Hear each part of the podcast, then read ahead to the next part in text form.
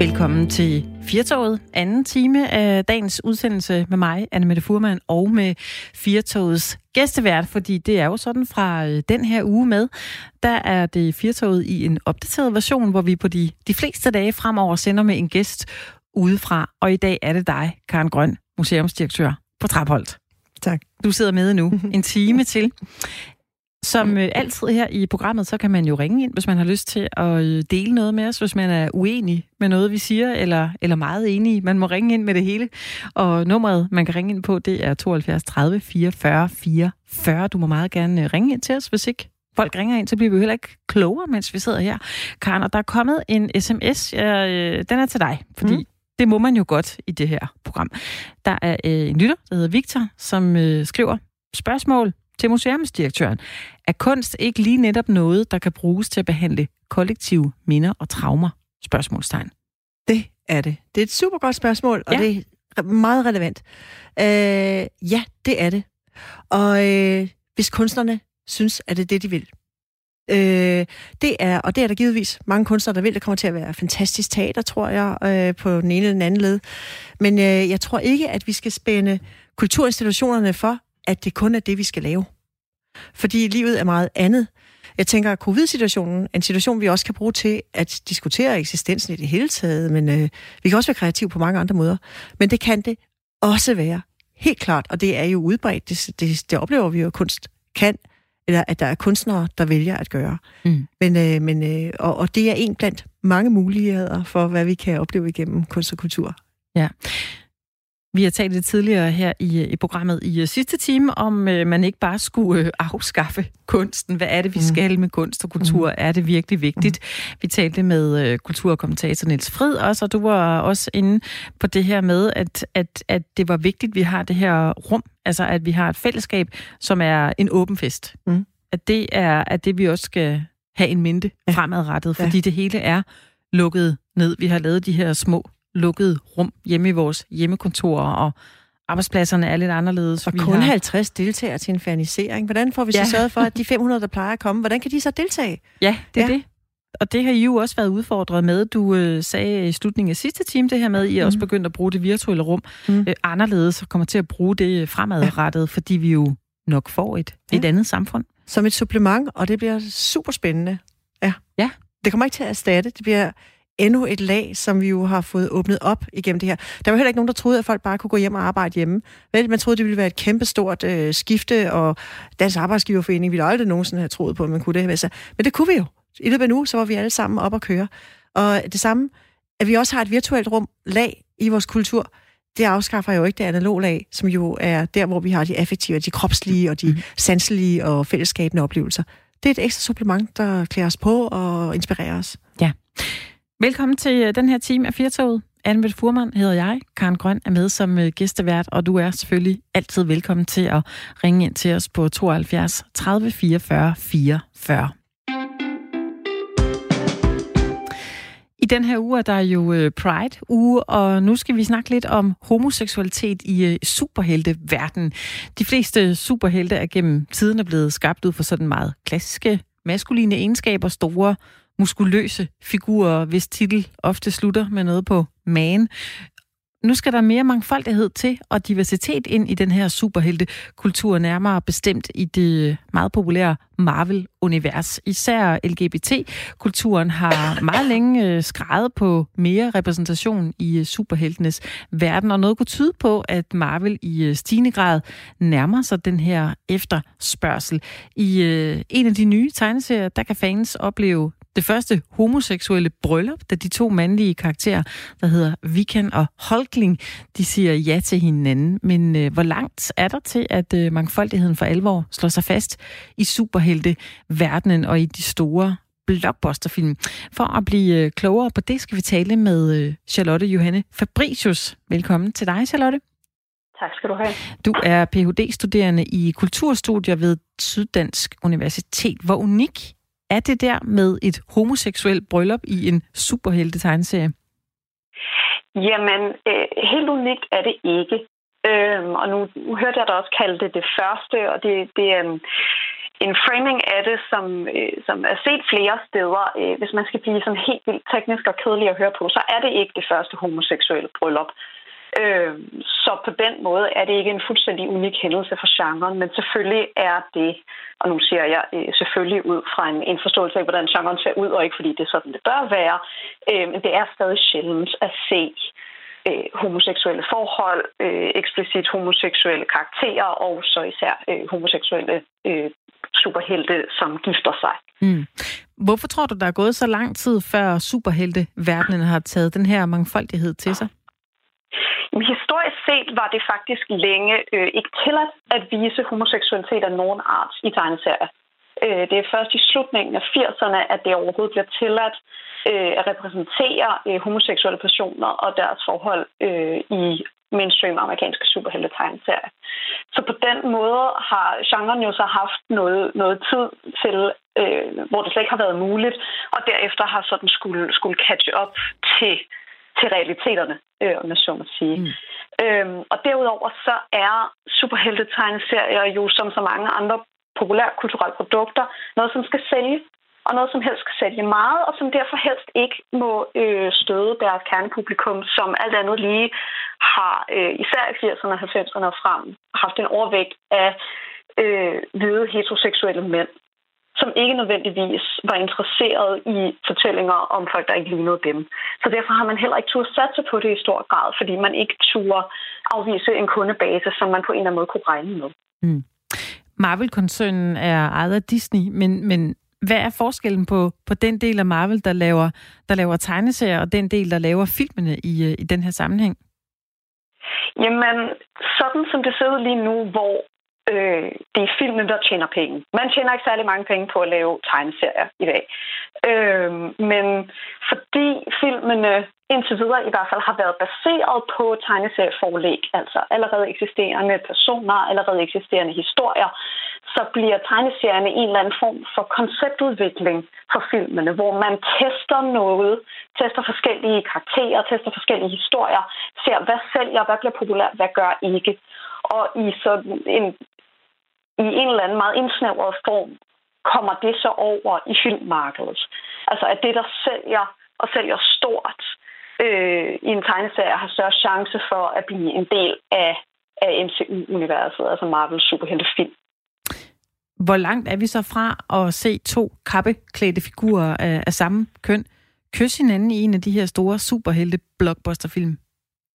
Ja, så nu har Marvel jo sådan set lovet os, at det skal ske næste år øh, i den film, der skal hedde The Eternals. Om det reelt kommer til at ske, og hvor meget det kommer til at fylde, er spørgsmålet.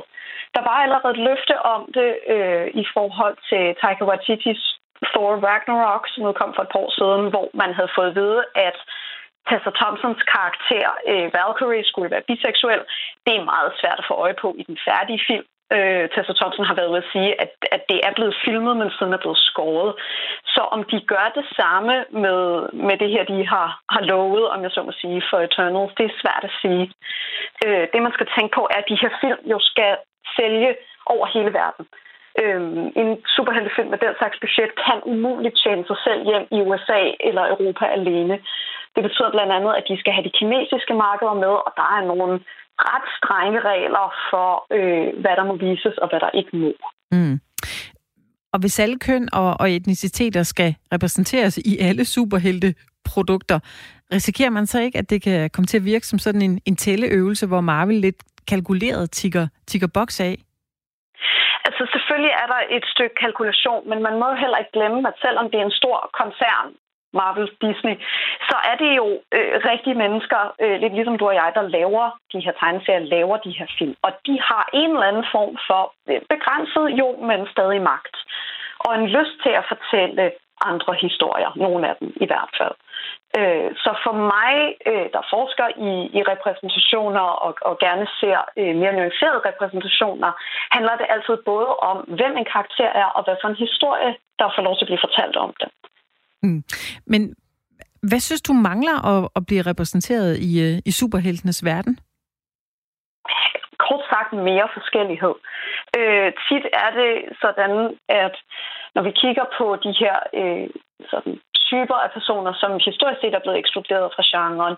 Øh, kvinder, ikke-hvide personer, ikke-heteroseksuelle personer, øh, personer med øh, synlige handicap og andre funktionsnedsættelser. Øh, så kan vi nu om dage øh, ofte pege på en, to, måske en lille håndfuld eksempler, men tit er det nogen, som er meget kortlivet eller ikke rigtig bliver udforsket.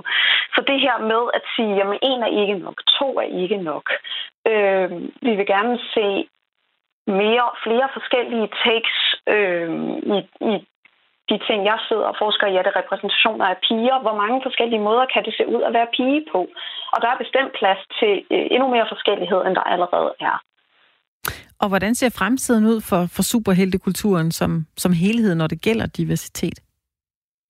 Det vil komme meget an på, hvordan øh, DC og Marvel øh, takler det med, at superhelte-tegneserier i stigende grad læses online og læses af et andet kernepublikum end det, der var normen i 90'erne.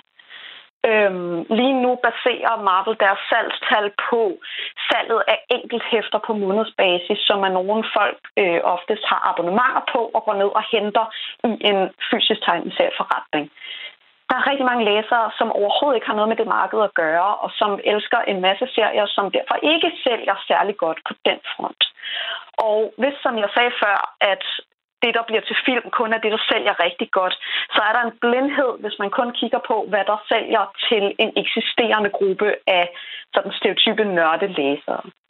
Så mm. fremtiden ligger virkelig i, hvordan øh, Marvel og, og deres øh, konkurrenter DC øh, vælger at engagere sig med læsere, som finder tegneserier på en anden måde, og som ønsker sig noget andet i deres tegneserier. Og lige her øh, til sidst, Charlotte, hvor, øh, hvor stor en udfordring er det her? Hvordan mener du? Jamen, jeg mener, hvor, hvor stor en udfordring er det at få implementeret noget mere diversitet? Det er jo ikke noget, man bare lige går hen og, og gør, eller ligesom uh, sætter en film på plakaten, hvor der står to superhelte i en, uh, i en kappe, og som, uh, som, uh, som skal giftes, for eksempel, hvis det var det, der var plottet i, i den film. Det er noget, som, som kræver mod, og noget, som kræver, at øh, man ansætter nogle andre mennesker, end dem, man er vant til øh, til at lave tegneserierne, til at lave filmene. Marvel øh, kigger i stigende grad ud øh, uden for sådan de, de typiske øh, instruktører øh, til store øh, actionfilm, og det giver nogle rigtig interessante eksempler, såsom øh, Black Panther eller øh, Captain Marvel. Så jo mere de her koncerner faktisk tør satse på at ansætte nogen, der ikke ligner dem, der traditionelt har haft magten, det tror jeg tror jeg, det vil gå. Mm. Charlotte Johanne Fabricius, Ph.D.-studerende i kulturstudier ved Syddansk Universitet. Tak fordi du var med os her i programmet. Mange tak. Kunne du forestille dig, øh, Karen, at se en film med, øh, med, med et homoseksuelt superheltepar, som øh, bliver gift. Kunne du forestille dig det? Vi har altså lidt, ja, ja, hvorfor ikke? Altså, ja. hvad, hvad, hvad, hvad, hvad er historien i det, sidder jeg og tænker. Ja, hvad er problemet, sidder du og tænker? Ja, hvad, hvad, ja, hvad er der nyt i det? ja, præcis.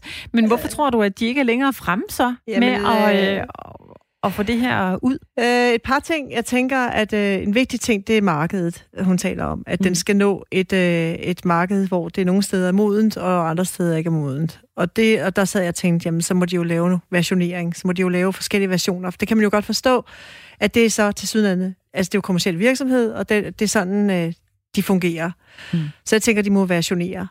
Øh, så tænker jeg, at jeg, ja, det kan være, at nogen kunne sige, at de sidder med en eller anden liste over, så skal vi også have en bøsse med, og så skal vi også have et eller andet, en, en øh, sort, okay. overvægtig øh, kvinde ved et handicap for at gøre det. Altså, det, man laver alle mulige ting for at få nogle lister for at få, for diversitet ind. Og så har jeg måske nok lidt sådan, ja, det skal de måske. Ja. Det, fordi, hvis vi skal have nogle strukturelle forandringer, så skal vi, øh, hvor vi øh, får mere diversitet ind, jamen så, det er lidt ligesom, når man skal lave øh, kostændring i sit liv, eller holde op med at ryge. Altså, så bliver man nødt til at gøre det struktureret og bevidst, og tage nogle diskussioner og sige, nu prøver vi det her, og det kræver altså, det er ikke noget, jeg gør intuitivt, naturligt, men, men principperne hjælper mig med at holde fast i mit perspektiv om, at jeg ønsker mere diversitet. Mm. Og ja, så skal de måske have en liste, hvor de siger, at nu skal vi prøve, om vi kan have nogle bøsser, eller vi kan have et eller andet. Og det, ja, det skal vi da. Fordi det, at det er sådan, verden ser ud, og vi har brug for, at øh, ikke helt så blive bombarderet med kønsnormative stereotyper. Fordi de fastholder os i nogle uhensigtsmæssige mønstre, der ikke svarer til den virkelighed, vi er i. Mm. Øhm, så jeg tænker, det er godt, og hvis det er et, et markedsmæssigt problem, jamen så må det være at, øh, at øh, versionere, lave en særlig version til Kina, eller det marked, som, som ikke kan. Og så tænker jeg, at det er, det er helt, jeg er helt enig, så kræver det, at man ansætter nogle andre mennesker, som kan bringe de her perspektiver ind. Øh, de behøver ikke, man behøver ikke nødvendigvis selv at være øh, brun for at forstå et brunt øh, synspunkt, altså, men Nej. det er dem, der har... Øh, man behøver ikke være ung for at tænke ungt. Man kan også, altså unge kan også tænke gammeldags, men, men vi skal have nogen, der, der tænker de her ting og kan få det struktureret og sat i sving. Ja. Er det noget, du tænker på i det rum, du har at, at rute med nede på Traphold, hvor du jo er museumsdirektør? Ja, men ja. Er det her noget, I, I tænker på, I skal have mere frem, ja, være mere tydelige omkring? Kæmpe, kæmpe stor diskussion i ja. kunstverdenen hele tiden, og ja, om der er kvinder nok. Ja. Og, øh, og der er jeg jo nok skruet sådan sammen, at det er der på Trapholdt, fordi det er intuitivt, sådan det er. Øh, det, øh, fordi det er sådan, vi tænker, men det er det jo ikke på alle kunstmuseer. Så det er jo en af de helt store diskussioner til evig tid omkring kvinder. Lige nu kommer, har vi en meget stor kunstmesse i København i næste uge, og der har man så lige præcis sagt, nu prøver vi, hvad sker der, hvis det kun er kvinder? Ja. Øh, hvad, hvad sker der med messen? Øh, og, øh, og, og, og det er interessant. Øh, og nogle gange så kræver det bare de her, at vi skal have flere kvinder i bestyrelsen, så må vi lave nogle principper, fordi vi gør det til sådan ikke intuitivt selv. Men jeg vil sige, at, at øh, mm, på Traphold, der er vi nok derhen, hvor jamen, det er bare sådan, det sker. Det er, det er meget divers. Vi lavede faktisk også en scanning på vores, øh, hvem, hvem, os der arbejder der. Ja. Øh, vores egen diversitet, det undersøgte vi her til jul. Ja, hvordan også, så den ud? Jamen altså, vi har jo øh, både, øh, vi har det helt, vi er meget divers, vi svarer meget til det danske samfund. Vi har også en, en kollega, der er med palæstinensisk baggrund, og en kollega med, øh, øh, hvad hedder det, med færøsk baggrund. Vi har to muslimer, altså vi er 24, ikke? Øh, ja. Så vi var, vi var egentlig ret repræsentative synes jeg. Vi har flere, der sådan er udenlandske, vi har en, der er katolik, og vi, vi, vi er egentlig okay øh, diverse. Ja. Øh, vi har ikke så mange mænd, men det er fordi, at dem, der bliver uddannet i vores branche, øh, der, der må vi jo kigge på vores rekrutteringsgrundlag. Og der er det øh, primært et øh, kvindeligt rekrutteringsgrundlag, og det betyder jo selvfølgelig, men i forhold til det, så har vi også en okay repræsentation. Så vi lavede faktisk en undersøgelse af diversiteten på museet ja. selv her, i, her til jul. Det var faktisk ret sjovt. Det synes jeg, der var meget sjovt. Ja. Det kunne man jo godt øh, bruge i andre sammenhænge. Mm. Over, var, den, var den lidt overraskende? Var du, ja, var du overrasket ja, det, over det? det? Vi, ja, det vi har brugt det til, og det jeg har i talsat på i huset, det er, at øh, jamen, altså, når I holder Eid, så må I gerne få lov til at dele det med os andre. Altså, hvorfor skal vi ikke have lov til at øh, lige øh, høre om det? Altså, hvornår der er ramadan? Altså, del din baggrund øh, med os andre. Øh, Nå, du holder faste, spændende. Øh, hvordan er det? Og så vi inspirerer hinanden. Og det ja. er i talesat på arbejdspladsen. Ja. ja. Tror du på øh, kvoteringer? Altså at man ligesom siger, nu er det kun øh, kvinder, der skal være med her. Der ja. har jo været meget snak i musikbranchen for øh, et par år siden, ja. hvor det var, hvor øh, de kvindelige musikere, nogle af dem lavede en, en gruppe, mm. og, øh, og gik imod det her med, at de mente, der var øh, for få kvindelige kunstnere til, ja. diverse festivaler. Ja, når, når, tingene øh, ikke sker, ja, når tingene ikke sker intuitivt af sig selv, og det gør det jo ikke i Danmark, der er vi jo meget, hvad skal man sige, kønsstereotype i uh, branchevalg og i uh, fordeling i bestyrelser osv., i sammenligning med for eksempel Norge og Sverige, der er vi jo langt bagud. Øh, og øh, vi så også en undersøgelse, hvor vi var bag Bulgarien i et eller andet undersøgelse. Altså, jeg var sådan helt, altså, vi er jo slet ikke spor øh, fremme i bussen øh, omkring øh, kønsfordeling i Danmark. Så hvis vi ønsker det, jamen så tror jeg på, at man, lidt ligesom når vi laver kostforandring i vores eget liv, ja, så må vi lave nogle principper, og så må vi prøve dem af, og så kan det blive intuitivt efterfølgende, fordi det sker til sydlandene, og tydeligvis ikke af sig selv. Vi Nej. er i den grad fastholdt i nogle kønsstereotype, øh, altså kønsnormative stereotyper i Danmark, som man tager sig til hovedet. Ja. Nu har du selv øh, seks børn, mm. og det, øh, du har så forskellige køn, går jeg ud fra. Ja, ja. ja. så de er, er repræsenteret. Er det her noget, de taler om som en, øh, en ting? Er det noget, ja. de har undret sig over, når de har øh, set film i biografen, eller i den hverdag, de lever? Altså omkring øh, kønsroller? Ja, og ja. også den diversitet, der er, og det, ja. de bliver præsenteret for i deres øh, Altså man kan sige, altså, hvis du kigger på, på min egen familie, ja, ja, ja altså, altså det er, er, mine børn er ikke i tvivl om, hvad min holdning er. Nej, nej det er jeg helt med på. Men, men, men... jeg snakkede med en, hvor hun sagde, jeg er så glad for at have fået piger, fordi så, de, så kan de blive feminister, der kan ændre verden. Og min, min holdning var for nok det modsatte. Jeg tror, vi får ikke forandring, før mændene vil forandringen. Fordi det er mændene, der har magten. Så mine drenge, mine fire drenge, de er klart feminister Det ja. er helt sikkert. Og jeg tænker, de er, på, de er sat på en opgave. De er godt klar over, at de er blevet primet og pumpet med ideologi, så måske hænger en anelse ved, det kan man jo håbe, øh, hvis de får magt på et tidspunkt. Fordi i mine øjne, så kan kvinderne ikke lave den forandring. Vi skal have mændene på banen til at kræve den forandring, som ikke kun er nødvendigt for os som mennesker, men også som arbejdsmarked, altså den talentmasse, vi mister. Øh, der er enormt mange lag i det, ja. både økonomisk og menneskeligt, i at det, det er en forandring. Men det, jeg tror ikke, vi får det før mændene de går ind og går på barrikaderne og kræver den. Mm. Øh, fordi kvinderne har jo råbt i masser af år. Ja. Hvad mener du, det er for en, en, en magt, mænd har? Jamen, øh... Nu sidder vi jo to kvinder her ja, bag men, mikrofonen, Karen. Jamen, jeg mener, at hvis du kigger på bestyrelsesammensætninger i Danmark, så er det primært øh, mænd. Jeg kan ikke huske præcis tallene. Det, det, altså, men det, det er hårdrejsende forskel på for eksempel Norge og Sverige. Øh, og topdirektørposter, der er det også øh, langt flere mænd end kvinder. Så laver man sådan nogle undersøgelser, der siger, nå ja, men altså, de kvindelige ledere, de, øh, og de har faktisk bedre bundlinjer end, end mænd og så videre. Og det, det, ja, det tror jeg da pokker, fordi du skal være en, øh, noget af en kvinde for at nå derhen. Så selvfølgelig er hun dygtigere end mændene, for ellers var hun aldrig nået derhen fordi der er så lang vej. Der er mange mandeklubber og øh, lukkede selskaber og vaner og rekruttering. Mm. Øh, der og en masse omkring sproget, omkring kvinder, øh, som fastholder os i den grad. Øh, også, jeg skal lige sige, i kvinders eget selvbillede. Mm. Men tror du ikke på, at, at mænd og kvinder også vælger øh, forskelligt, når det kommer til, til karrierevalg? Jamen, øh, det gør vi jo som det er nu. Det er bare interessant, hvis du kigger på Italien, så er der lige så mange kvinder som mænd, der vælger naturvidenskab. Hvorfor er det anderledes i Danmark? Ja, det var et godt spørgsmål. Ja, det, det altså, har jeg ikke svaret på, hvordan, men det var det spørgsmål. Det, det er ikke noget problem i Italien, som man nok tænke sådan, øh, måske var mere traditionelt i mange sammenhænge. Mm. Så, så der, der, der, der er der ikke nogen forskel, så, så vi er orienteret. Altså, så, så, så det er sådan lidt, hvorfor er vi fastholdt? Jamen, øh, det, vi, det vi jo ved, altså når vi nu tager min faglighed ind omkring design og kunst og så så ved vi jo, at alt det sanselige, vi er omgivet af, det er med til at skabe et billede af, hvem vi er. Og når vi øh, pakker de små babypiger ind i lyserødt tøj, øh, så er lyserød det er faktisk en farve. Hvis du får, får noget, der er lyserødt, så smager det faktisk lidt sødere. Så vi forbinder faktisk piger med at være søde. Øh, så det er jo det, piger er primært.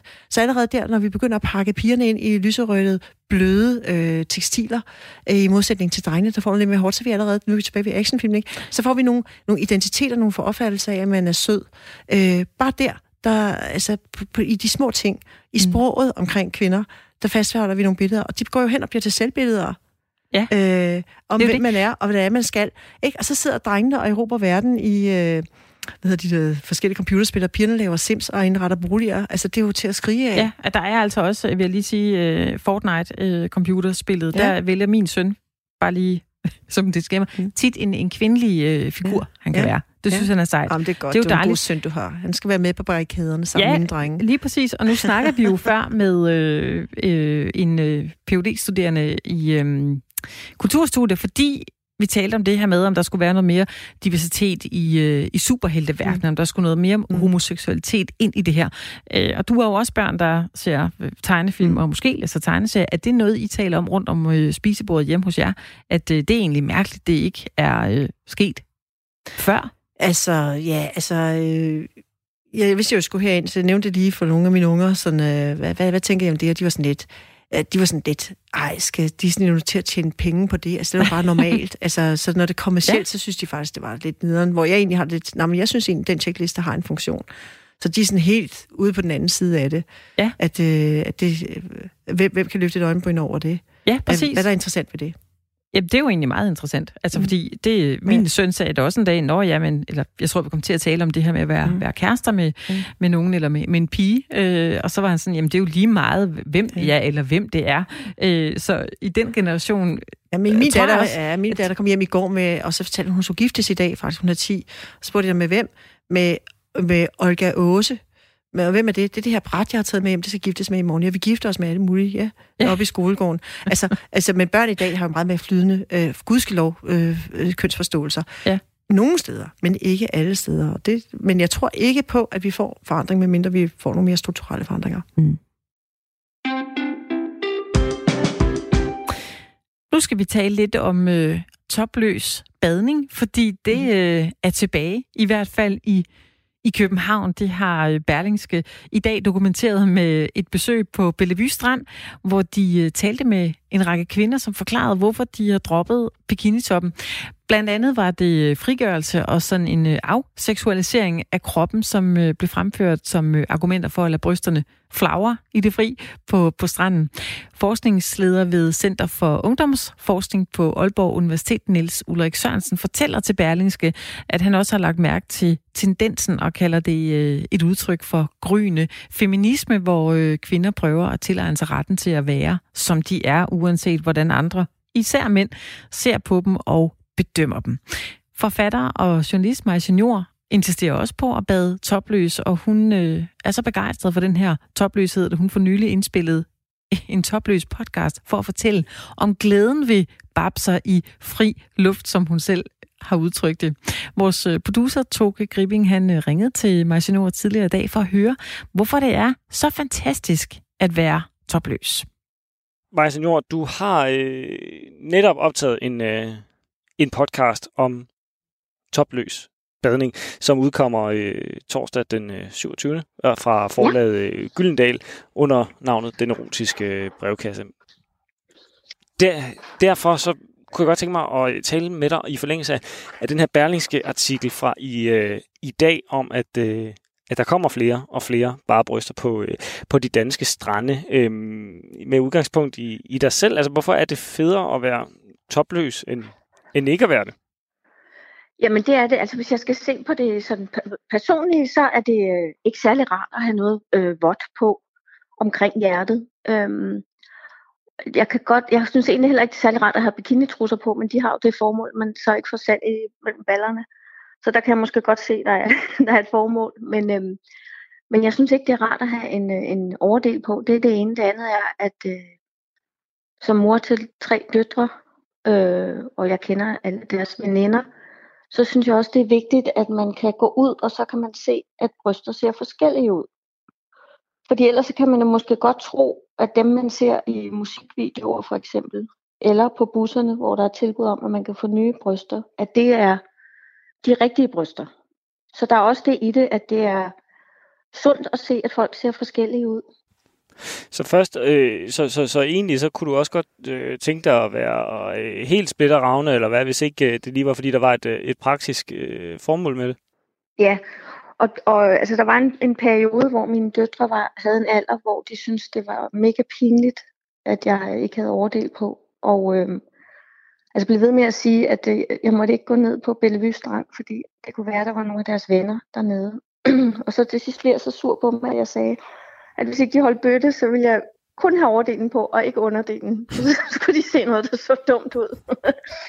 men øh, men der, øh, altså, jeg synes egentlig, det er rarest bare at, at bade uden tøj, men det er måske heller ikke alle steder, man synes, man kan tillade sig det. Men, men brysterne er jo, øh, synes jeg, noget andet. Og, og, ja, og det er jo dejligt, at der er flere og flere, der er begyndt at, at bade topløse. Fordi for bare fem år siden, der, dem jeg så på stranden, der ikke havde overdel på, det var kvinder i det segment, der, der selv havde hæklet deres taske og havde hænderfarvet hår.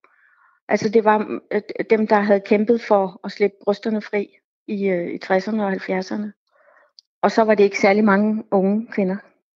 Nærmest ingen, vil jeg sige. Men, men de her øh, kropsidealer, du næsten henviser til i forbindelse med, at du siger, at, at, at øh, det, det også er vigtigt at vise dine børn, at, øh, at den almindelige krop øh, ja, er som den er. Altså almindelig, gennemsnitlig, og ikke øh, hvad det hedder, øh, skåret ud af en eller anden opfattelse af nogle, af nogle, øh, nogle kropsidealer. Hvorfor er, er det så vigtigt øh, for dig at, øh, øh, at, at få, få det øh, tvunget igennem? Jamen, øh, jeg synes meget af det, jeg har lavet, og også tidligere med andre ting, det handler om at få folk til at føle sig godt tilpas, som dem de er.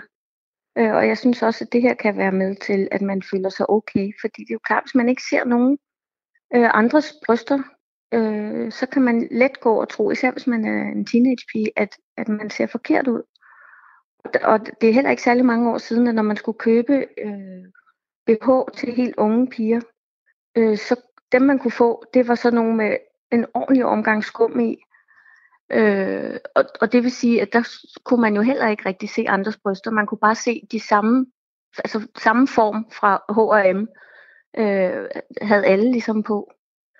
Øhm, men jeg tror også, at der, altså, der er sket en, øh, en ændring der. Man kan se, at der er mange flere mærker, der laver BH'er uden skum og bøjle og alt sådan noget.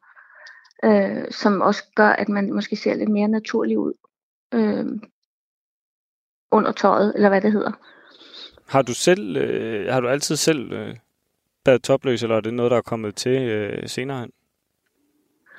Øh, jamen, nu er jeg fra 68, det vil sige, at det var helt normalt, da jeg var teenager. Og så øh, sagde jeg til øh, en, en mor fra børnenes klasse, at jeg kunne huske øh, nærmest den dag, det var øh, pludselig blev betragtet som sådan lidt klamt, at man gik topløs. Og så sagde hun, det kan jeg også, for det var mig, du talte med på vej ned i vandet. Og hun synes, det var vildt ubehageligt, at jeg stoppede op og talte med hende med bare bryster. øh, men det var jo også, fordi det måske var en tid, hvor det pludselig var forbudt. Altså det pludselig var noget, hvor folk synes, at man, at, altså ja, det var nærmest klamt, ikke? Og så, så er der kommet øh, heldigvis jo en, en modbølge nu. Og jeg har også gået og tænkt over, om det har en lille smule med øh, corona-lockdown at gøre. At, øh, altså for der var jo rigtig mange kvinder, der skrev på sociale medier, sådan, ej, hvor er det rart, at jeg ikke skal på arbejde, så kan jeg gå herhjemme uden behov. Øh, og så mærker man jo pludselig, at det faktisk er meget rart Øhm, ikke at være spærret inde i skum og bøjler. Øh, så det kan jo godt være, at det faktisk har en betydning for, når, når øh, de kvinder skal tilbage på arbejdsmarkedet, at de tænker, ej, jeg, jeg overgår ikke sådan en, et ordentligt monstrum, jeg skal tage på. Men øh, der er også nogen, der øh, har i talsat det her som en, en form for, øh, for frigørelse, altså helt generelt. Ser du det også sådan, eller er det helt lavpraktisk med, det, det er bare lidt irriterende at have en BH på en gang imellem, eller en, øh, en, øh, bikini-top? Jamen, der er jo både det lavpraktiske, altså øh, i den der podcast, øh, jeg har lavet, som kommer øh, om en uge, der øh, har jeg Julie Schøn inde, som er seksolog. Og det ender så med, eller vi sidder så i studiet topløse, og optager den der podcast, fordi hun skal vise mig, hvordan man kan lave noget øhm, massage, som skulle gøre brysterne mere faste, og også gøre en gladere. Øh, og vi har det faktisk ret sjovt med det der øh, massage. Man bliver i hvert fald gladere måske, fordi det var lidt mærkeligt at sidde øh, over for en anden kvinde på den der måde. Men, men der er jo også det i det, at man, altså man bliver jo gladere i sin krop, når den ikke er spadet inde i alt muligt. Ja, altså jeg synes jo faktisk også, det lyder lidt mærkeligt, at de har siddet der i, øh, i, øh, ja, i birthday suits og, øh, og masseret øh, bryster. ja, men det, det, det, det er jo ikke særlig interessant at tale om det. Det er jo meget mere interessant at gøre det. Fordi så kunne øh, øh Julie Schøn bedre øh, vise mig, hvad det var. Øh, hvordan det er, man skal gøre. Yeah. Og det er jo også en del af, af at, at man... Øh, hvad skal man sige, hiver brysterne tilbage til sig selv. Altså, at det, det, er, det er ens egne, og det er ikke øh, øh porno. Øh, det, det er jo, og, og øh, især når man har haft tre, øh, fået tre børn, så er det jo også øh, madkasser på et tidspunkt i ens liv. De bliver brugt til mange forskellige ting. Men det er jo det der med at, at sige, at det er mine egne. Det er ikke et eller andet pornoagtigt. Ja, jeg kan da også mærke, at øh, der måske er lidt brug for det. Jeg bliver i hvert fald sådan, jeg vil ikke sige, at jeg bliver decideret utilpas, men, men jeg bliver da en lille smule beklemt ved at, at sidde og, øh, og tale så meget om, øh, om, om bryster med, med en, jeg dybest set øh, ikke, ikke, ikke kender så godt. Øh, burde alle Men du være... kunne jo prøve, man kan jo sige, du kunne jo, øh, altså, øh, mænd kunne jo prøve at tage en, et lille stram overdel på i noget øh, nylon, og så gå i vandet, og så ligge med den på stranden. Øh, og så se, altså det er jo ikke særlig rart at have på sådan noget vådt noget. Nej, det har jeg ikke lyst til. Altså, det, det, det kan jeg faktisk mærke det allerede. Det. det kan jeg mærke allerede nu. Jamen, det har, det har jeg ikke lyst til. Jamen, det er godt at have en klar holdning. ja, men, men, men, men så kan det også godt være, at jeg forstår jo, ja, hvorfor I ikke har lyst til det.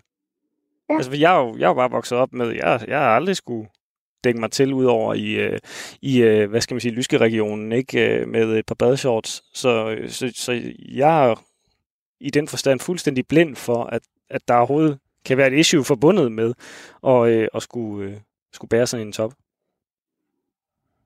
Ja. øh, øh, men, men, men, men burde, altså det lød næsten som om, at, øh, at det, I sidder og optager den her øh, topløse podcast, øh, synes, synes I, at man burde i princippet kunne gå topløs i supermarkedet som, som, som kvinde. Man ser jo man ser jo en gang imellem mænd, der ja, er på vej retur fra, fra stranden eller noget andet, og, og så render rundt i, øh, i, i bare overkrop øh, og lige klare nogle, nogle ærner i, øh, ja, i, hvad skal man sige, på, i gadelivet, hvor at, at, at der er kvinder jo stadigvæk øh, hovedsageligt henvist til måske græsplaner og, øh, og stranden, hvis, øh, hvis man vil øh, være, være topløs. Ja, øh, nu er jeg ikke selv sådan helt stor fan af øh, mænd, der går med bar mave ned ad strøget. Øh, men det er fordi, jeg tror, jeg synes, at der er ligesom et, et sted for forskellige ting. Og, og i den der podcast, der har øh, øh, diskuterer Julia og jeg, om man øh, også skal gå topløs i, øh, i svømmehallen. Øh, og, og der kunne jeg mærke, at hun foreslog det, så ville jeg synes, øh, fordi det er lidt noget andet, og der er også folk, der altså, er der for at dyrke sport. Der er det måske sådan, jeg vil i hvert fald ikke gøre det alene. Øh, altså alle kender til den der skræk med, at man glemmer at tage badebukser på, når man øh, går i svømmehallen, og så går man ud i hallen, og så kigger alle den vil jeg måske have lidt i svømmehallen. Jeg synes, det er noget andet på stranden, fordi det er mere, øh, det er en del af vores natur. Øh, der synes jeg, det føles mere øh, øh, rigtigt. Så jeg tror ikke, jeg vil, øh, medmindre jeg har fået hedeslag, gå ned og købe ind topløs. Men er det, fordi du ikke helt kan slippe ideen om, at, at bryster måske er en, er en smule seksuelle, eller, eller hvad? Fordi et mænd render jo øh, rundt i, i bare overkrop i svømmehallen, eller det synes du måske også er en ja, lille smule problematisk? der er jo også nogen, der har nogle ordentlige bryster af de der mænd. Øhm, men øhm, jamen, jeg ved ikke, så, fordi så skulle man jo i svømmehallen tilbage til, at mænd gik i badedragt. Det ved jeg ikke, om de vil øh, synes var en god idé. Altså, man kan sige, noget af det er, at der er tingene bare, som de er. Så, så øh, at, hvis man er i svømmehallen, så kan det godt være, at man... Det ved jeg ikke. Det må folk selv bestemme. Det er i hvert fald ikke ulovligt at være topløs i en svømmehal, så vidt jeg ved. Nej, okay. Men, men, øhm, men du vil ikke selv have lyst til at være det? Nej, det tror jeg heller ikke. Og, og måske heller ikke at, altså, at købe ind, vil jeg måske også synes var lidt mærkeligt. Men, er det men der for... synes jeg egentlig også, at mændene godt må tage en, en lille t-shirt på. Ja, men, men, men, men er, det, er det fordi, at, at, at, øh, at du ikke helt kan slippe ideen om, at, at ja, hvad skal man sige, man er vant til, at bryster er, er pakket væk? Eller er det bare, synes du, at det er almindelig sømmelighed, eller hvad? At man, øh, at man, for, ja, at man ikke viser ja, dem frem hele tiden? Det, ja, det tror jeg, at det er derfor, fordi det, hvis folk går på stranden, så må de jo regne med, at der er øh, en vis mængde hud rundt omkring, så der er de ligesom forberedt, men man er jo ikke, hvis man øh, går ned på tanken forberedt på, at der er en eller anden, der stiger ud af sin bil topløs. Så det er måske mere det. det er sådan, der kan man måske godt tage lidt hensyn til andre. Burde alle egentlig være det på stranden? Synes du det? Altså, synes du, at der burde man i princippet bare slippe øh, kroppen fri? Nej, det synes jeg, folk må selv om, fordi øh, man, man er jo også forskellige steder i sit liv. Der, der kan være perioder, hvor man måske er øh, ikke så glad for sin egen krop og ikke har lyst til at og, øh, vise den frem. Altså det, man kan jo lægge sig ned på stranden, og så kan man jo se, hvor forskellige folk i virkeligheden er klædt. Fordi der er jo også, der er jo også nogle kvinder, som har sådan en, øh, sådan en lille kjole på, sådan en kjolebadedragt. Øhm, og det kan jo være, fordi man, man ikke har lyst til at vise så meget af sin krop. Så det synes jeg, folk må selv om. Men, men overordnet set, så, øh, så synes du i hvert fald, at, at det her med at, at vise øh, almindelige menneskers øh, kroppe frem, at det har en, øh, en positiv, eller det kan i hvert fald have en positiv effekt. Altså du synes, at, det, at, øh, at der er noget værdifuldt i, at, at man, man lærer øh, som, som mennesker at stifte bekendtskab med, med kroppe, der ikke er på øh, et, et lageret eller på en, øh, en porno hjemmeside eller, eller andre steder, hvor at, øh, at det hele har været igennem en, øh, en kropssminkør, om man vil. Ja, ja, det, ja kropssminkør, kropsminkør, eller, eller der er ligesom en vedtaget måde, man skal se ud på, for man må være med. Øhm, og der synes jeg, det er vigtigt, især for de der, altså for teenager, i virkeligheden også for teenage-drenge, ikke? at man ser, at kroppe ser forskellige ud. Og det, det gør bryster også. Sådan lød det fra forfatter og journalist Maja Senior, som altså selv bader topløs, og i øvrigt synes, at, det, at der er gode ting, som at for eksempel nedbryde usunde kropsidealer forbundet med at, at synliggøre den almindelige kvindekops kropsbryster, når vi øh, er på stranden. Jeg ved ikke, øh, Karin Grøn, du er stadig med her øh, mm. i, øh, i programmet. Hvad, hvad tænker du om, øh, om den her brystsnak her? Ja, men øh, det ved jeg ikke. Jeg, jeg er ikke sikker på, at jeg at jeg helt ser verden på samme måde som Majse Nord. Nej, altså, nej hvorfor det, ikke det? det? Nå, men jeg, altså, altså helt indledningsvis, så altså for mig, og altså folk er jo forskellige, men for mig, der er brysterne jo en erogen zone, og øh, det er også med til, at Berlingske sagde, at det var afseksualisering, eller det var på et eller andet tidspunkt blev det afseksualisering. Jeg har, altså for mig er meget svært ved ikke at se øh, brysterne som en seksuel del af kroppen. Det betyder ikke, at, øh, at jeg er hæmmet af det eller noget, men, men for mig er det meget seksuelt, og øh, område. Øh, ja. Og øh, når jeg er på stranden, øh, så synes jeg, at folk skal være, som, som de har lyst. Jeg synes, det er alle tiders, øh, hvis man har det godt med at lægge topløs. Og så synes jeg, det er fint, hvis man har lyst til at, øh, at hejse øh, ballongerne op. Altså, det kommer måske også an på, hvor store bryster man har, øh, eller ja. formen på ens bryster, eller alderen for ens bryster, eller ens øh, idé om bryster. Det, der, der tænker jeg, det, det skal sådan lidt være, sådan som folk de selv synes, de har det. Ja. Men, jeg, men, jeg, men jeg lægger selv mærke til, hvis der er mange uh, topløs, altså, altså jeg er utrolig svært ved ikke at kigge på de der bryster, og jeg synes, det er virkelig ja. spændende. Ja. øh, så, så hvis man, jeg tror jeg også, der er mange mænd, men, Så det håber jeg ikke, at folk føler sig generet af. altså, øh, så det tiltrækker sig jo opmærksomhed, det er jo også en af de funktioner, de har. Ja. Øh, Grunden til, vi taler om det, er, at øh, Berlingske i dag har en uh, artikel, hvor de ligesom har dokumenteret besøg mm. på Bellevue Strand i København, hvor de har talt med en række kvinder, som forklarede, hvorfor de uh, har droppet bikinikrop toppen, fordi der ligesom er flere og flere, der bader, bader topløst. Det er det, vi snakker om lige nu. Og du er jo uh, mor til, uh, til to piger. Mm. Taler I om bryster hjemme ved jer? Ja, det gør vi. Ja, det gør vi. Hvad og, taler I om? Ja, taler I om, at I skal slippe det løs? Størrelser på bryster, ja. og hvorvidt man skal gå med BH eller ej, og så videre.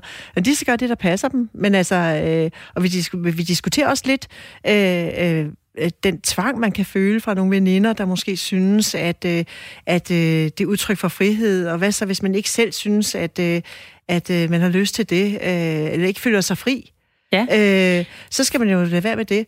Og jeg synes også, det, det altså, altså, altså, hvordan man holder fast i, jamen, det har jeg lyst til, og du har lyst til noget andet. Så man ikke, altså, hvorfor skal nogen bestemme over, hvordan andre ja. skal være på eller afklædt? Og sådan er det jo i dag, hvor vi også har sociale medier til at kommunikere mm. vidt og bredt hele tiden, der kan det pludselig blive sådan en ting, at mm. nu er det det, vi gør. Nu bader vi topløs. Og så sidder der ja. alle de her kvinder og øh, Altså, som måske min... ikke lige føler sig godt tilpas nok Al- i deres krop altså, til at smide toppen. Jamen, jeg kan også huske, at, at øh, min, min yngste datter, da hun ville til at have en bikinitop, det var faktisk en diskussion, vi havde, hvor jeg bare tænkte, jamen, øh, det handler jo ikke om hendes bryster, det handler om hendes behov for at være ligesom andre. Ja. Og det har man jo, når man, når man er, er lille og usikker, og det skulle hun så have lov til. Altså, hvis det var det sådan, man er nu, så der var frihed til at... Øh, at være anderledes på nogle andre punkter, hvis det var et behov, hun havde. Jeg vil egentlig godt huske, hvor jeg tænkte, hvorfor skal du have en top der? Nå, men det har du så behov for. Nå, men fint nok. Ja. Øh, men det handler jo bare om, at, at hvornår jeg er en del af hvilken gruppe i virkeligheden. Ja. Øhm, Hvor gamle er dine øh, to piger? Øh, den ene er 24, og ja. hun er min ældste, og min ja. yngste er 10. Og så har jeg fire drenge mest ind imellem. Ja, så ja. Du, har, du har en, øh, en pige i, jeg har i, flere i hver generationer. Ja. ja. Øh, hende på 10, er, er det noget, som, øh, som hun overhovedet sådan går opmærksom på på den måde? Ja, det er hun. Altså, nu hun også, altså, hun har meget store bryster, en ja. 10-årig, så, så ja. det er, der, der er man jo lidt mere blufærdig. Øh, men, men jeg, kan, jeg kan mærke, at, øh, at det er nemmere at snakke om, end, end jeg selv havde det i hvert fald. Ja. Og jeg også havde det med den ældste. Altså, det, det er ikke noget som sådan et tabu som sådan. Nej. Nej, det er det ikke. Øh, det var også hende, der ville gifte sig med hendes bræt ja. Else Olga. øh, så, så, altså, øh, så, så, de, så der sker noget nyt i de nye, nye generationer. Det hilser ja. jeg jo virkelig velkommen. Ja, altså der, der vil også være noget rart i, hvis nu kvinder, der ikke følte sig perfekte, havde ja. lyst til at smide toppen, fordi det kan jo også give et mere sådan realistisk billede af, af kvindekroppen. Kroppen. Man siger jo, at man skal en uh, tur i svømmehallen for at se, hvordan rigtige mennesker i virkeligheden ja. ser ud, og lade være med at, uh, at kigge i, i magasinerne eller på et retuscheret billede på, på de sociale medier. Det kan også være noget godt i, at man uh, får den her lidt frigørende tanke omkring det her, så vi kan se, sådan her er en helt almindelig kvindekrop. Jamen nu ser jeg sådan ikke rigtig stranden som et uddannelsesklasserum, øh, hvor, øh, hvor vi skal lære anatomi. Altså det er fint nok, det, vi også får det med. Vi er der egentlig for at hygge mig sammen med dem, jeg er sammen med. Ja. Øh, og så det, generer det mig ikke, at der er mangfoldighed, men jeg, men, jeg, men jeg synes ikke, at vi skal sætte enormt ud, at nu skal vi have frigjort brysterne, så alle kan se, hvor forskellige bryster er. Altså, og personligt så bliver jeg altså meget distraheret af det, for jeg synes jo altså, virkelig, det er interessant at se på, men altså, måske ja. det er ikke lige det, jeg var der for. så, så, det kan være, du skulle øh, overveje, om vi skal have en, øh, en brystudstilling nede på, øh, på trappen. Ja, men der er jo en keramiker, som er ret fantastisk. Ja, Hun har det, der hedder patteriet, ja. og øh, som jo laver øh, keramik med, med, med patter på, og på en eller anden måde så for i talesætte er bryster meget forskellige. Det, altså, det er jo et fantastisk og sjovt kunstnerisk greb på, ja. på diskussionen. Men altså, jeg, jeg undrer mig lidt over, altså, hvorfor smider Bajsen nu ikke også tør bunden, altså, hvis, ja. hvis hun er så optaget af det. Ja. Altså, det der med, det fordi, der kommer lidt man... salt op mellem ballerne, ja. altså, den køber jeg da ikke.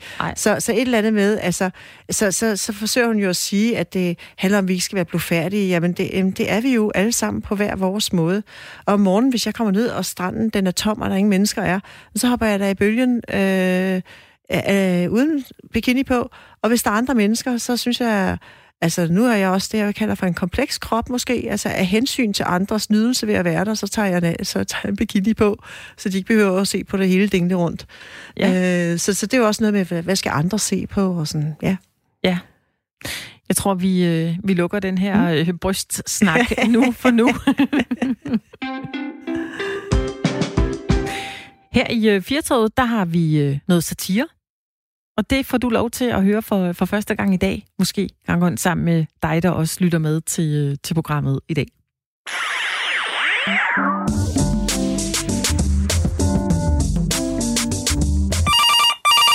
Radio 4 Lytterservice. Du taler med Esben. Det er Skov Epa 1355 Danmark. Hvad her det? Hallo? Ja, ja hallo. Nå, ja, hallo? Ja, ja, du, jeg kan høre dig. Ja, jeg kan godt høre dig. Kan du høre mig? Jeg kan godt høre dig. Nå, det er, jo, det er jo mest vigtigt, for nu skal, du, nu skal I fandme lige høre efter her. Nu har jeg igen set, øh, at vi er i Dansk Folkeparti, ikke også? Ja. De ved nu nok noget om Danmark, og de ved noget om, hvordan vi, øh, hvordan vi har det, ikke? Og de snakker meget om, at ej, her, så ved de unge mennesker ikke noget om kristendom, og det er både de unge mennesker i den ene og den anden boligforening i, hvor, de, hvor folk nu øh, er, er boende hen, og det, det, det ved ikke noget om. Nå, men så spørger dem selv, ikke også? Så kan de ikke huske, om Allan og Eva, de spiste et ævl eller en pære. Og de kan ikke huske, om det var en slange eller en, en ab, der sagde op i træet, vel? Og, og, og, de, og de kan ingenting. Hvis du så tager og så skal, kan du tage sådan en, det så jeg den anden af, så kan du tage sådan en dansk folkepensionist, Dansk Folkepartis øhm, øh, menneske, og, og spørge, kan du de 10 bud? Hva? Nej, de kan da ikke de 10 bud. Der er ingen, der kan 10 bud. Det er alt, alt, alt for mange bud. Du må ikke det du må ikke den. Jeg synes, man skulle lave, og det kunne I gøre inden ved jer. Så kan I lave sådan en, en, en fælles kasse, øh, ring ind system, hvor at I kan ringe ind, så kan folk komme med 10 bud på fire, man kan tage med i, din, i budrunden. Sådan det her. De fire bud, dem kan man jo godt huske. Det er jo den første, den anden, tredje, den fjerde. Så kan du huske, at du må hverken du må ikke stjæle, eller, eller have din nabos kone, eller øhm, ja, og to mere med, og den med at slå ihjel, og den med at stjæle. Ikke også? Jo. 10 bud er for mig, siger jeg bare. Ja. Og det er med al respekt for, at, at i gamle dage, ja, der havde de heller ikke andet at gå op i. Der havde det stået på en stentavle, der var der ikke alle mulige fjernsynsprogrammer. Noget. Det, det var de 10 bud, men det, ja, skal det nu ned til fire gode. Ikke? Og så kan det være selv Dansk Folkeparti, de kan huske dem. Ja, du skal have tusind tak, fordi du ringede. Du må ikke stjæle. Du må ikke råbe andre. Og du må ikke øh, slå ihjel. Med al respekt. Tak. Det er bare, hvad jeg mener. Ikke også? Jeg synes, det er træls med 10. Ikke også? Lav 4. Og ring en anden. I kan ringe. Ikke også? Jeg tænker, jeg tænker hvis jeg kan, det kan ikke passe til mig, der skal ringe hver gang. Nej. nej. Farvel. Det var et stykke med øh, satire her i, øh, i Firtoget, hvor vi jo er ved at være færdige for i dag. Karen Grøn, museumsdirektør for øh, Traphold. Du har været med her i knap to timer, og, øh, og der er noget, øh, jeg vil ikke sige, du har gemt på det, men øh, jeg synes, der er en lille sjov oplysning om dig, som øh, vi godt lige kunne, kunne dele med lytterne, inden du øh, smutter afsted. Sådan en, øh, en museumsdirektør for dig, kan man jo godt tænke, jeg ved, hvad hun egentlig har af, af baggrund, kan vide, hvad hun egentlig har lavet. Og øh, hvis man øh, researcher lidt på dig, så øh, kan man øh, finde ud af, at du er uddannet sanger i kirkemusik for Løgum Kloster Kirkemusikskole. Er det noget, der øh, at du fortæller meget om? Nej, men det er da noget, altså, som jeg bruger rigtig meget. Altså, det er, ja. jamen, det er som så mange andre unge mennesker efter gymnasiet, så anede jeg simpelthen ikke, hvad jeg skulle lave. Og så så, så kom vi... Faktisk så, så havde jeg spillet all, og så, så, øh, så min organistlærer sagde han, se den her, du kan komme ind på en organistuddannelse. Og så slog jeg op i den, så så jeg, at der var en sanguddannelse ved siden af. Så gik jeg til optagelsesprøve på det i stedet for at komme ind. Ja? var du overrasket over ja, det? det var det synd for min lovlærer. Men, øh, men øh, ja, men så, tænkte, så, så havde jeg jo nogle gode år. Det var på det år, hvor konservatoriet fyrede rigtig mange lærere. Så de underviste på den her skole. Så jeg havde jo øh, de mest fantastiske undervisere, og så er jeg fuldstændig vild med kirkemusik. Ja, og det er altså noget, er det noget, du stadig praktiserer? Jamen altså, jeg har jo et hjem fuld af musik, og, øh, og, og dyrker musik på mange måder, øh, og har også læst musik på universitetet. Og, altså, så det er noget, der, der er med, og ja, helt klart, altså om mandagen, der synger vi på Traphold det jeg ja. spiller klaver til. Det er ja. den måde, vi har morgenmøde.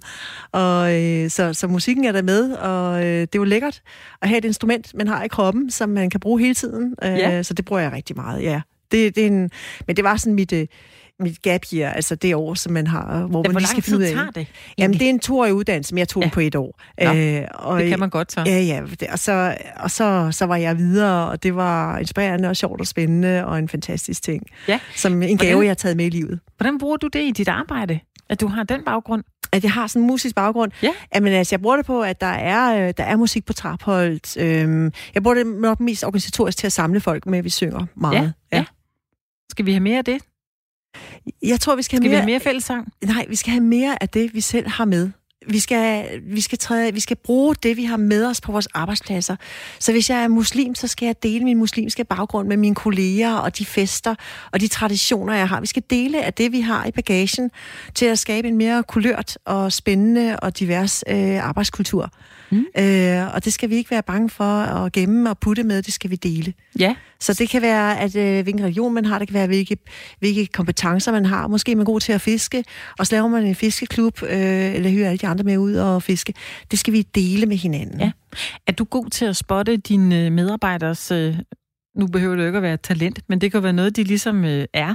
Altså, er du, er du god ja. til at bruge det? Jeg ved ikke, om jeg spotter det, men jeg forsøger hele tiden at skabe rum for, ja. at de kan træde karakter med det, de vil. Hvis det er nu noget, man hellere vil holde for sig selv, så skal man jo også have lov til det. Men hvis man øh, har lyst til, så jeg forsøger mere at skabe rammen og rummet for det. Kan du, øh, kan du komme med nogle øh, gode historier, hvor du er blevet sådan positivt overrasket over det her? Ja, men altså, da der var Eid her, så min gode kollega, der er af palæstinensisk baggrund og muslim, hun, øh, hun øh, kommer fra Eid med os andre. Ja. Øh, det gjorde hun ikke sidste år, men der havde jeg lige fat i hende og spørge, hvorfor, hvorfor delte du egentlig ikke den med dig også? Vi deler jo også, at vi holder jul med dig. Så, ja. så, så det... det så, øh, hvad, hvad gjorde hun så? Jamen, ja, hun havde, hun havde nogle dejlige, øh, søde øh, sager med, og, og, og delte det på den måde, og så var det jo en anledning til at snakke om, hvad det er. Ja. Og det var jo en, øh, det var en gave ja. at, have, øh, at få en masse andre fortællinger, end bare dem, man trummer rum i, selv i sin egen, øh, i sin egen hverdag. Ja. Og sådan har vi flere, der, der sådan byder ind. Ja. Og, det, øh, og det skal man jo gøre, men man skal gøre det, fordi man gerne vil, og ikke fordi man skal. Selvfølgelig. Mm. Men det er også godt, som du lige siger, at lige spørge ind til det. Fordi måske kunne der være noget gemt, hvor man ikke lige selv siger, ja. hey, det her det vil jeg gerne dele, så vi egentlig skal være lidt bedre til at, at spørge hinanden. Ja, men ligesom jeg har sagt tidligere, der strukturelt skal man måske i talesæt, at man skaber rummet, for eksempel. Ja. ja. Nu synger det på sidste vers her mm. i uh, Firtoget. Karen Grøn, hvordan har det været at, at sidde med her i, uh, i hele to timer i, uh, i programmet? Der har vi jo været omkring både en kultursnak med Niels Frid lidt tidligere. Vi har talt om øh, pensionsaftalen. Mm-hmm. Vi har talt om øh, bare bryster og øh, homoseksualitet i øh, superhelteverdenen. Det er jo en øh, bred palet af emner. Jamen, det er jo da et kæmpestort privilegie, og ja. jeg håber, jeg har levet op til det. Det har du, det uh, og synes det, jeg. synes, det har været sjovt, og det er et meget stort privilegie at få lov til at sidde og reflektere og, og dele det, og, og, at høre dine synspunkter, men også, at der er nogen, der har været så gode at sende sms'er ind. Det synes jeg ja. er en kæmpe gave. Ja. Så tak for til alle, der har gjort det. Det er virkelig dejligt. Det er vi altid glade for. Man kan, man kan ringe ind til os mm. og skrive ind til os hele tiden. Det var dejligt, du ville være mm. med i, øh, i dag til en, øh, en snak om alle de her forskellige ting. Jeg håber, du øh, kan tage noget med, med dig hjem også, når du går på arbejde i morgen. Så kan du måske sidde og reflektere lidt over noget af det, vi har, vi har talt om i dag. Og også tak til dig, der øh, lyttede med her i programmet. Husk, du kan altid lytte til øh, tidligere udsendelser 4 på Radio 4.dk. Vi er tilbage igen i morgen samme tid. Hvis du bliver hængende her på Radio 4, så kan du lytte til Kreds med Rikke Kuline.